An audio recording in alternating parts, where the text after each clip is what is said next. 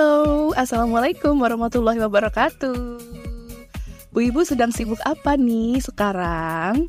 Apakah sudah mulai ngumpul-ngumpulin peralatan tempur melawan hujan? Alhamdulillah ya, beberapa hari terakhir ini hujan sudah membasahi beberapa kawasan di Indonesia. Di tempat Bu Ibu juga, wah bersyukur banget ya pastinya, karena air rejeki dari langit sudah mulai turun.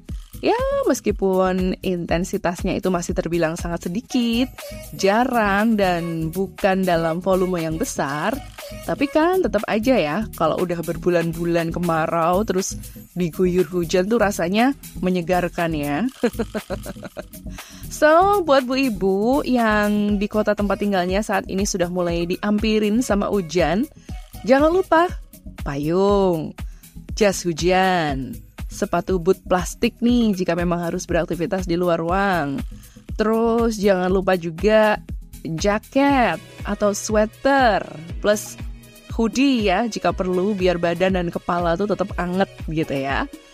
Aduh, hujan ditemanin sama cemilan, terus ada minuman hangat. Asik kali ya Bu ya. Apalagi kalau sambil nonton film favorit. Setuju kan? Iya dong. Tapi kira-kira boleh nggak sih kalau nonton bioskop itu bawa kopi panas ke dalam studionya? Pasti asik tuh ya. Nonton film Budi Pekerti lagi. Di dalam studio yang dingin sambil nyeruput kopi panas. Aduh, Bu Ino ada-ada aja sih. Kayaknya nggak mungkin loh. Yang ada juga kopinya cepet jadi dingin di dalam. Kan AC-nya war war war gitu. Eh tapi ya, kalau Bu Ibu mau nonton film Budi Pekerti, itu boleh banget loh ya. Dan gak usah repot bawa kopi panas juga, gak masalah sih Bu. Gak masalah, karena ceritanya sendiri, cerita dari film Budi Pekerti, itu udah bisa bikin panas karena ikut emosi. Ups, Apakah aku mau kasih spoiler di episode kali ini? penasaran ya Bu ya? Penasaran ya? Ya wes, ya wes, ya wes, ya wes, tetap aja di sini bareng aku Ibu Inung, tentunya dalam podcast Bu Ibu. Podcast Bu Ibu. Podcast Bu Ibu by Ibu Inung. Podcast Bu Ibu by Ibu Inung.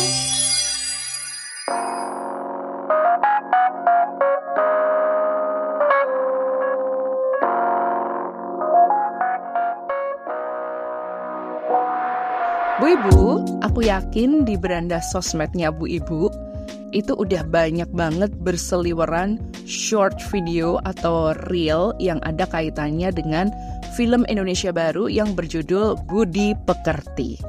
Nah, film yang premiernya di bioskop-bioskop Indonesia ini tanggal 2 November lalu, sekarang masih bisa Bu Ibu nikmatin. Bu Ibu bisa cari waktu yang pas buat nonton bareng Pak suami atau sama teman-teman Bu Ibu atau sama anak-anak juga. Memang rating film ini tuh untuk remaja ya, tapi sebenarnya isi film ini tuh sangat relate dengan kehidupan kita, bahkan anak-anak yang saat ini juga udah akrab dengan gawai telepon seluler alias HP ya. Tapi ingat ya Bu ya, kalau bawa anak ke bioskop sebaiknya dijaga Jangan sampai anak-anak berisik atau justru melakukan aksi-aksi yang bisa mengganggu penonton lain. Atau lebih baiknya dititipkan dulu deh ke orang terdekat ibu, jadi ibu juga bisa menikmati betul film ini di bioskop. Nah, by the way, dari beberapa trailer dan teaser yang wirawiri di media sosial, itu kan kayaknya tuh intriguing banget ya, menggoda banget gitu loh. Apalagi dikabarkan nih, film ini tuh sebenarnya udah dapet 17 nominasi Festival Film Indonesia alias FFI. Padahal waktu itu belum tayang di bioskop-bioskop di Indonesia. Kan jadi makin penasaran dong ya. Sebagus apa sih film ini gitu. Nah, kebetulan aku sama anak-anak itu udah nonton film Budi Pekerti ini di hari kedua penayangan. And you know, begitu film kelar, kesanku adalah bagus banget, bagus banget gitu. Beneran deh Bu, ini film tidak boleh dilewatin gitu aja ya. Jadi memang jadi recommended movie banget gitu. Dan di episode kali ini, aku akan share beberapa review dari film ini ya. Semoga nggak spoiler.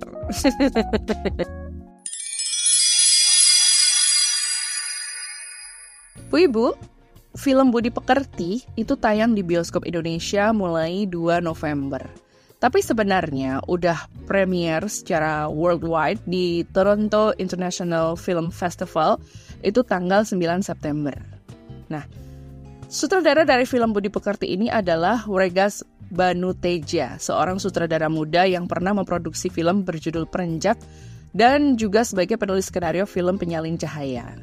As we know, dua film yang aku sebut tadi ya, itu juga nggak main-main reputasinya karena memenangkan banyak penghargaan dari berbagai festival, baik nasional maupun internasional.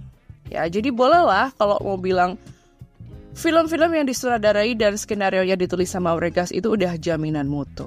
Oke. Okay. Terus sekarang kita lihat dulu ya line up pemainnya ya. Bisa dibilang deretan cast-nya yang ada di film Budi Pekerti ini nggak main-main. Pemeran utamanya adalah Shia Ine Febrianti. Dari zaman dulu, Ine ini memang udah dikenal punya acting yang mumpuni ya. Apalagi Ine itu kan juga gemar berakting di panggung teater ya dulu. Jadi udah bisa dibilang nggak akan mengecewakan. Nah, di sini di film Budi Pekerti, Ine berperan sebagai Bu Prani Siswoyo, seorang guru BK guru bimbingan dan konseling di sebuah sekolah. Lalu ada juga Angga Yunanda yang berperan sebagai Muklas, anak laki-lakinya Bu Prani. Muklas ini adalah seorang konten kreator dengan konsep kontennya berupa healing tips dengan mengadaptasi perilaku binatang gitu. Terus ada lagi pemainnya lainnya adalah Prilly Latukonsina yang berperan sebagai Tita, anak perempuan Bu Prani. Tita ini adalah seorang anak skena gitu ya. anak band independen bernama Amuk Tanah. Sekaligus seorang pebisnis online shop. Terus ada juga Dwi Sasono yang berperan sebagai Pak Didit. Pak Didit ini adalah suaminya Bu Prani yang diceritakan uh, sedang memiliki mental health issue, bipolar dan depresi gitu. Wah, kalau dilihat dari case-nya ya, case utamanya aja itu udah nama besar semua, udah malang melintang di layar kaca dan layar lebar. Dan banyak judul yang mereka bintangi itu selalu box office, jadi blockbuster, plus jadi peraih penghargaan festival film juga. Nah, ada yang menarik juga nih, yang juga steal the scene gitu ya, atau scene stealer itu uh, adalah tokoh Gora yang diperankan oleh Omara Esteglal. Nah, Gora ini diceritain sebagai seorang mantan murid dari Bu Prani. Nah, bagaimana Gora ini menjadi seseorang yang penting di film ini? nanti, nanti, nanti. Sabar ya Bu ya, sabar ya Bu ya. Film ini ya menceritakan tentang kehidupan Bu Prani, seorang guru BK. BK tahu ya, bimbingan dan konseling di sebuah sekolah SMP swasta di Jogja. Ya, Bu, setting film ini adalah Yogyakarta. Dan di antara dialog-dialog para karakternya, tentu banyak pemakaian boso Jowo yang ditampilkan, gitu ya. Pakai boso Jowo, boso Yogjonan gitu. Sedangkan time settingnya adalah saat pandemi COVID-19 tahun 2020 lalu, di mana setiap hari di ruang publik itu masyarakat harus selalu memakai masker lalu masih dalam suasana SFH alias School from Home. Jadi pembelajarannya itu dilakukan secara daring alias dalam jaringan atau secara online gitu. Bahkan seorang guru BK seperti Bu Prani pun itu memberikan bimbingan dan konseling secara online. Nah, dikisahkan nih, Bu Prani ini adalah seorang guru yang pas-pasan hidupnya, hidup dari gaji dan dibantu anak-anaknya uh, yang mencari cuan dari berbisnis thrifting baju dan dari endorsan yang didapat dari anak laki-lakinya sebagai konten kreator. Suaminya gimana? Nah, suaminya Bu Prani yang namanya Pak Didit itu dikisahkan sedang mengalami depresi karena selalu gagal dalam berbisnis. Pernah bisnis batu akik, lalu bisnis otopet, tapi semuanya gagal. Akhirnya dia depresi. Nah, depresi Pak Didit ini membuatnya harus berkonsultasi dan berobat ke psikiater bernama Dokter Tunggul. Nah, Bu Prani ini digambarkan sebagai seorang wanita yang nerimo tapi kuat, bakoh gitu. Dan dia itu adalah seorang wanita yang punya prinsip serta seseorang yang aktif energik gitu. Karena diceritakan juga kalau Bu Prani ini selain mengajar, ternyata dia juga menjadi anggota klub senam lompat tali. ini entah rekaannya sutradara atau memang senam model begini memang ada di dunia nyata. Ini jujur li ya, jujur li aku baru tahu kalau ada senam lompat tali itu. Nah, di suatu hari ketika Bu Prani menemani Pak Didit konsul ke dokter Tunggul, dia itu secara nggak sengaja ketemu sama mantan muridnya dulu, seorang cowok bernama Gora. Ternyata Gora pun adalah seorang pasien dari dokter Tunggul. Nggak sempat bertukar cerita tentang apa yang membuat Gora berkonsultasi kejiwaan, mereka berdua hanya sempat bertukar kabar, lalu bertukar kontak, dan akhirnya didapat info bahwa Gora adalah salah satu kru dari sebuah media informasi cyber yang bernama Gaung Tinta. Gora membanggakan salah satu kontennya yang luar biasa viral kepada Bu Prani. Pulang dari konsul, sesampainya di rumah, ternyata Bu Prani udah harus keluar rumah lagi nih untuk latihan lompat tali bareng teman-teman senamnya. Tapi dia ingin membelikan kue, kue putu untuk suaminya. Dia nyuruh ke Muklas, anak laki-lakinya. Tapi Muklas nolak dengan alasan mau ada meeting sama pihak Indorsi gitu. Terus Bu Prani minta tolong ke anak perempuannya, si Tita, buat beliin kue putu di tempat langganannya itu untuk bapaknya. Tapi Tita juga nolak, karena katanya masih harus ngurus bisnis thriftingnya gitu, harus uh, ngirim paketan gitu. Akhirnya Bu Prani pergi sendiri ke tukang putu langganannya itu yang ada di pasar dengan naik otopet. Nah, setibanya di pasar, Bu Prani benar-benar lihat dengan mata kepala sendiri bahwa antriannya memang banyak. Benar-benar viral seperti kata Gora gitu. Dan Bu Prani mendapat nomor antrian 56. Bu Prani menunggu dengan tidak tenang karena dia juga harus ke tempat latihan lompat tali. Sambil mikir gimana caranya ya jangan sampai telat gitu. Nah, saat menunggu antriannya dipanggil itulah Bu Prani memergoki seorang bapak-bapak pesepeda yang sedang merayu seorang pemuda untuk mau dititipi antrian kue putu untuknya. Reflekslah Bu Prani, negor si bapak itu. Bahwa bapak itu harus mengikuti aturan yang sudah diterapkan.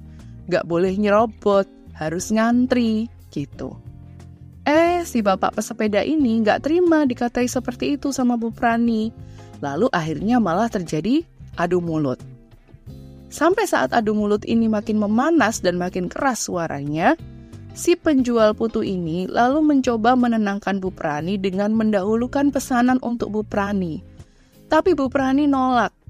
Karena prinsipnya dia, Bu Prani itu nggak mau didahulukan. Bukan karena mau didahulukan, tapi agar orang-orang itu mau ngantri sesuai urutannya, bukan nyerobot dengan cara nitip-nitip. Hanya itu saja yang sebenarnya dimaksudkan sama Bu Prani gitu. Tapi tahu nggak sih, reaksi orang-orang itu malah fokus ke Bu Prani yang marah-marah.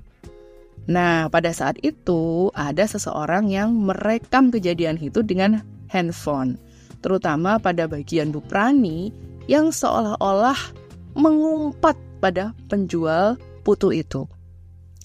Ternyata potongan video itu kemudian beredar luas di media sosial.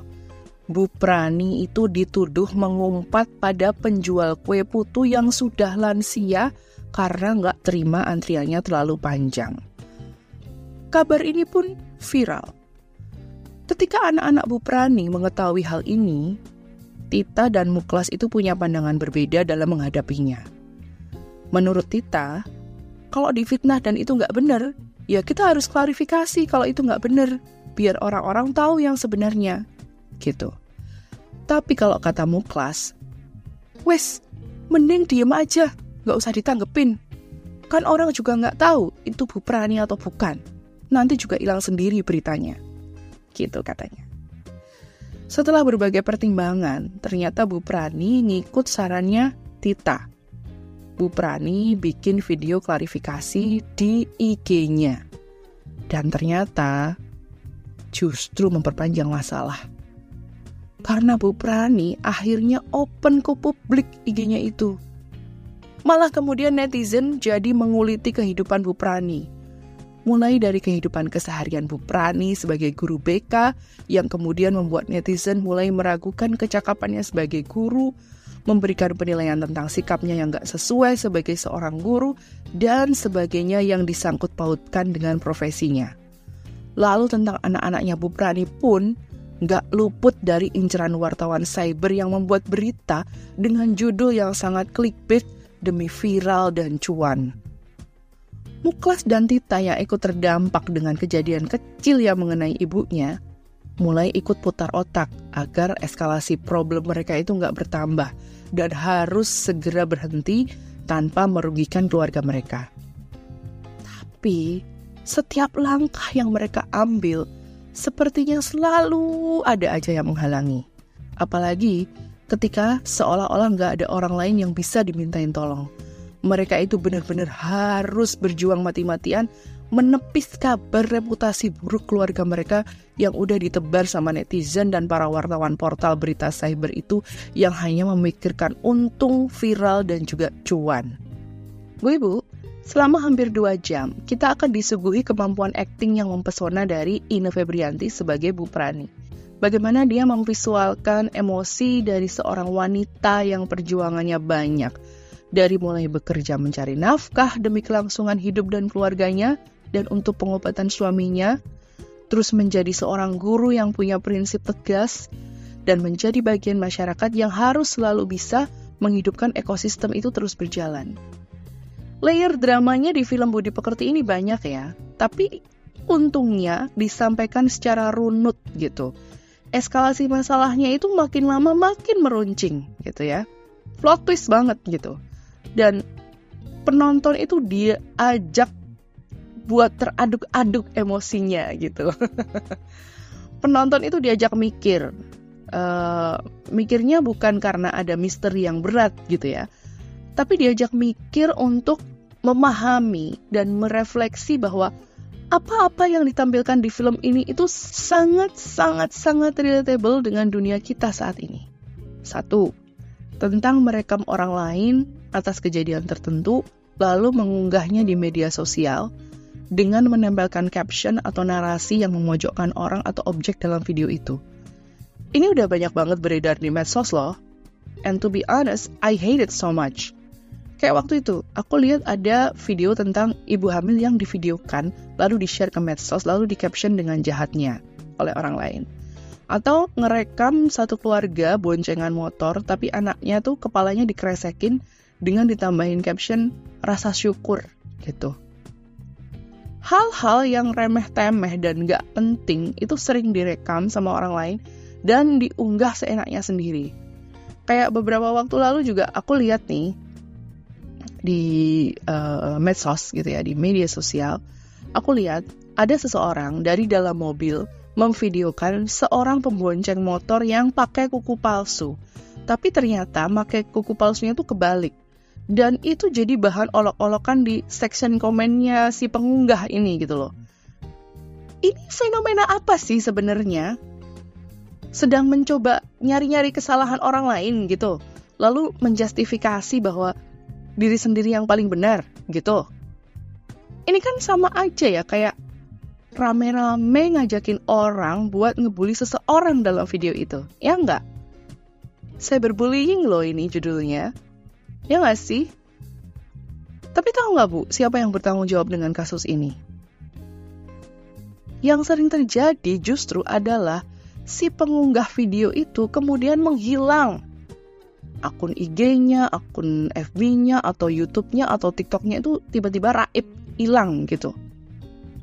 Tentunya setelah videonya itu di-share atau di-reshare atau diunggah ulang sama orang lain. Jadi setelah video itu viral, dia itu si pengunggah ini kemudian hilang. Akunnya nggak ditemukan lagi. Nggak bertanggung jawab sama sekali kan? Nah, di film Budi Pekerti ini pun kayak gitu.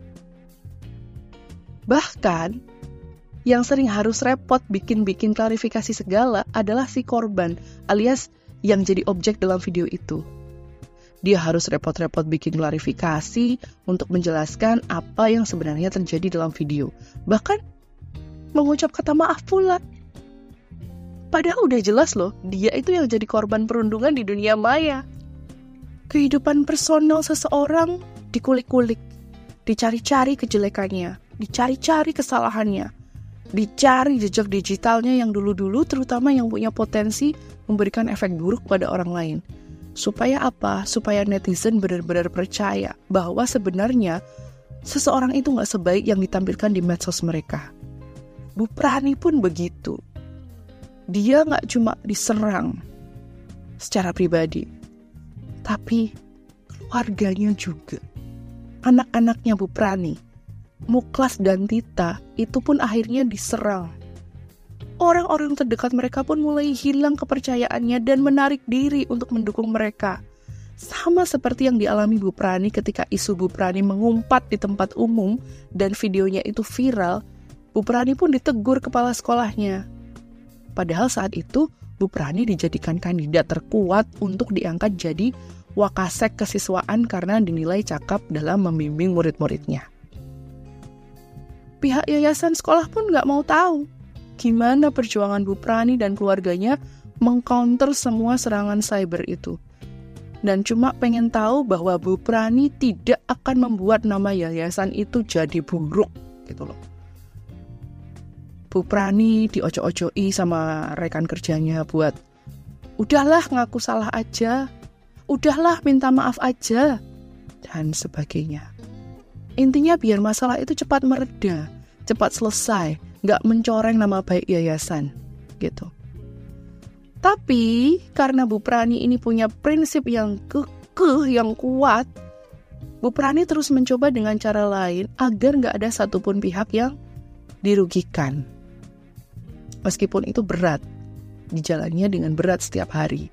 Terlihat banget bagaimana gurat-gurat emosi perasaannya itu terlihat di mukanya gitu. Bu Ibu, satu hal yang jadi sorotan di sini adalah terjadinya cancel culture. Cancel culture itu disajikan di film ini sebagai bentuk efek dari masalah Bu Prani yang enggak selesai-selesai. Hanya karena masalah sepele yang diinfokan secara setengah-setengah, bahkan mungkin hanya secuil, lalu jadi viral, lalu merembet ke persoalan yang personal, hingga kemudian terjadi cancel culture gitu. Masih ingat gimana Bu Prani tiba-tiba dibatalkan keikutsertaannya dalam lomba video lompat tali? Atau bagaimana alumnusnya, alumnus uh, atau mantan mantan mantan murid-muridnya yang tiba-tiba membatalkan dukungannya terhadap pola bimbingan Bu Prani yang dinamakan refleksi. Begitu pula Tita yang ikut-ikutan dikeluarkan dari bandnya. Muklas juga yang dibatalin kerjasamanya dari pihak endorsinya. Jadi nggak ada kerjasama endorse lagi gitu. Hanya karena apa? Karena informasi yang beredar hanya secuil dan tanpa konfirmasi pada pihak yang diberitakan. portal berita digital emang kadang bisa sangat sadis ya dalam hal ini gitu. Dan di film ini juga digambarkan dengan sangat bagus banget gitu loh. Dan kita yang nonton itu diajak ngerasain gimana kalau itu kejadian ke kita. Emosi kita akan diaduk-aduk, sedih, marah, kecewa, nyampur jadi satu. Poin yang jadi sorotan juga di sini adalah bahwa Bu Prani ini digambarkan sebagai guru BK dengan teknik penalti ke muridnya yang dinamakan refleksi. Ya. Refleksi ini dipilih bukan sebagai hukuman menurut Bu Prani, tapi agar pribadi masing-masing murid itu mampu melihat dari sisi lain dari apa yang pernah dilakukannya. Uh, for me myself ya um, in my opinion gitu. Bagus juga nih ya kalau diimplementasikan dalam kehidupan sehari-hari gitu. Kepada anak-anak misalnya. Anak-anak itu akan diajak melihat dari sisi yang berbeda terutama dari sisi korban kalau mendapat perlakuan dari pelaku gitu jadi kayak lebih uh, mengedepankan sisi empati gitu ya daripada hanya berdalih mendisiplinkan anak atau mendisiplinkan murid gitu. Jadi Bu Prani ini ingin mencoba mengajak si anak itu untuk lebih berempati kalau misalnya dia berada pada posisi korban gitu. Dan sebenarnya tahu nggak Bu, pesan moral film ini tuh sudah disampaikan dari problem yang paling pertama. Apa ya? Problem pertama yang muncul di film ini adalah apa? Problem mengenai budaya mengantri di Indonesia. Budaya ngantri di negara kita disentil dalam film ini. Seolah-olah kita nggak mampu sabar ngantri. Ya, kita nggak mampu sabar ngantri berarti budi pekerti Anda kurang. Anda berkonflik dengan orang lain saat ngantri, berarti budi pekerti Anda kurang. Gitu. Dari situ aja kita udah diajak untuk memperbaiki sikap kita loh dalam hidup sehari-hari, dalam mengantri gitu. Kalau dipikir-pikir, sebenarnya ngantri itu bukan hal yang sulit kan? Ya nggak sih? Ngantri itu adalah hal yang sangat sederhana yang sangat mudah dilakukan, tapi sayangnya tidak semua orang itu mau melakukannya dan ini bisa jadi masalah besar buat bangsa Indonesia. Gitu. Padahal budaya ngantri ini sangat perlu dilakukan loh yo. Karena hampir semua hal memerlukan kegiatan ngantri. Ya enggak? Di masjid mau wudhu ngantri. Di supermarket mau bayar ngantri. Di toko beli sesuatu ngantri dilayani. Di rumah makan juga ngantri dilayani, ya toh? Hampir semuanya memerlukan kegiatan mengantri. Meski hal ini sangat sederhana dan mudah dilakukan, budaya antri ini juga sangat penting karena bisa membentuk disiplin dan rasa menghormati orang lain. Dan masalah ini nggak bisa dipungkiri. Kita sering ya melihat orang-orang dengan tipikal nggak sabaran saat mengantri. Terus, selain itu, Hal yang lain lagi yang jadi premis sederhana dalam film ini adalah seberapa bijak kita menggunakan media sosial. Sederhana banget sebenarnya. Bijak menggunakan media sosial dalam film ini kemudian dikembangkan jadi berbagai konflik. Itulah cerdasnya penulis skenario. Dan ini menurutku kayak adaptasi langsung gitu loh dari apa yang terjadi di kehidupan real kita saat ini sehari-hari gitu bahwa sudah banyak banget orang-orang yang melakukan itu tanpa budi yang baik hanya dengan tujuan agar viral, agar terkenal, agar cuan kayak gitu. Padahal sebenarnya ada kerugian yang diderita oleh pihak lain gitu karena ketidakbijaksanaan dalam penggunaan media sosial. Mudah-mudahan Bu Ibu bisa lebih bijak juga ya dalam bermedia sosial. Jangan lupa ajarkan juga pada anak-anak dalam bermedia sosial dengan bijak ya. Jadi kalau Bu Ibu sekarang ini anak-anaknya juga sudah mulai uh, menggunakan media sosial, dampingi, nasihati. Kira-kira bagaimana sih bijak dalam bermedia sosial kayak gitu. Jangan sampai jari jemari mereka itu apa ya menghasilkan menghasilkan tulisan-tulisan yang tidak bertanggung jawab, menghasilkan tulisan-tulisan yang gak enak dibaca, yang merugikan pihak lain gitu.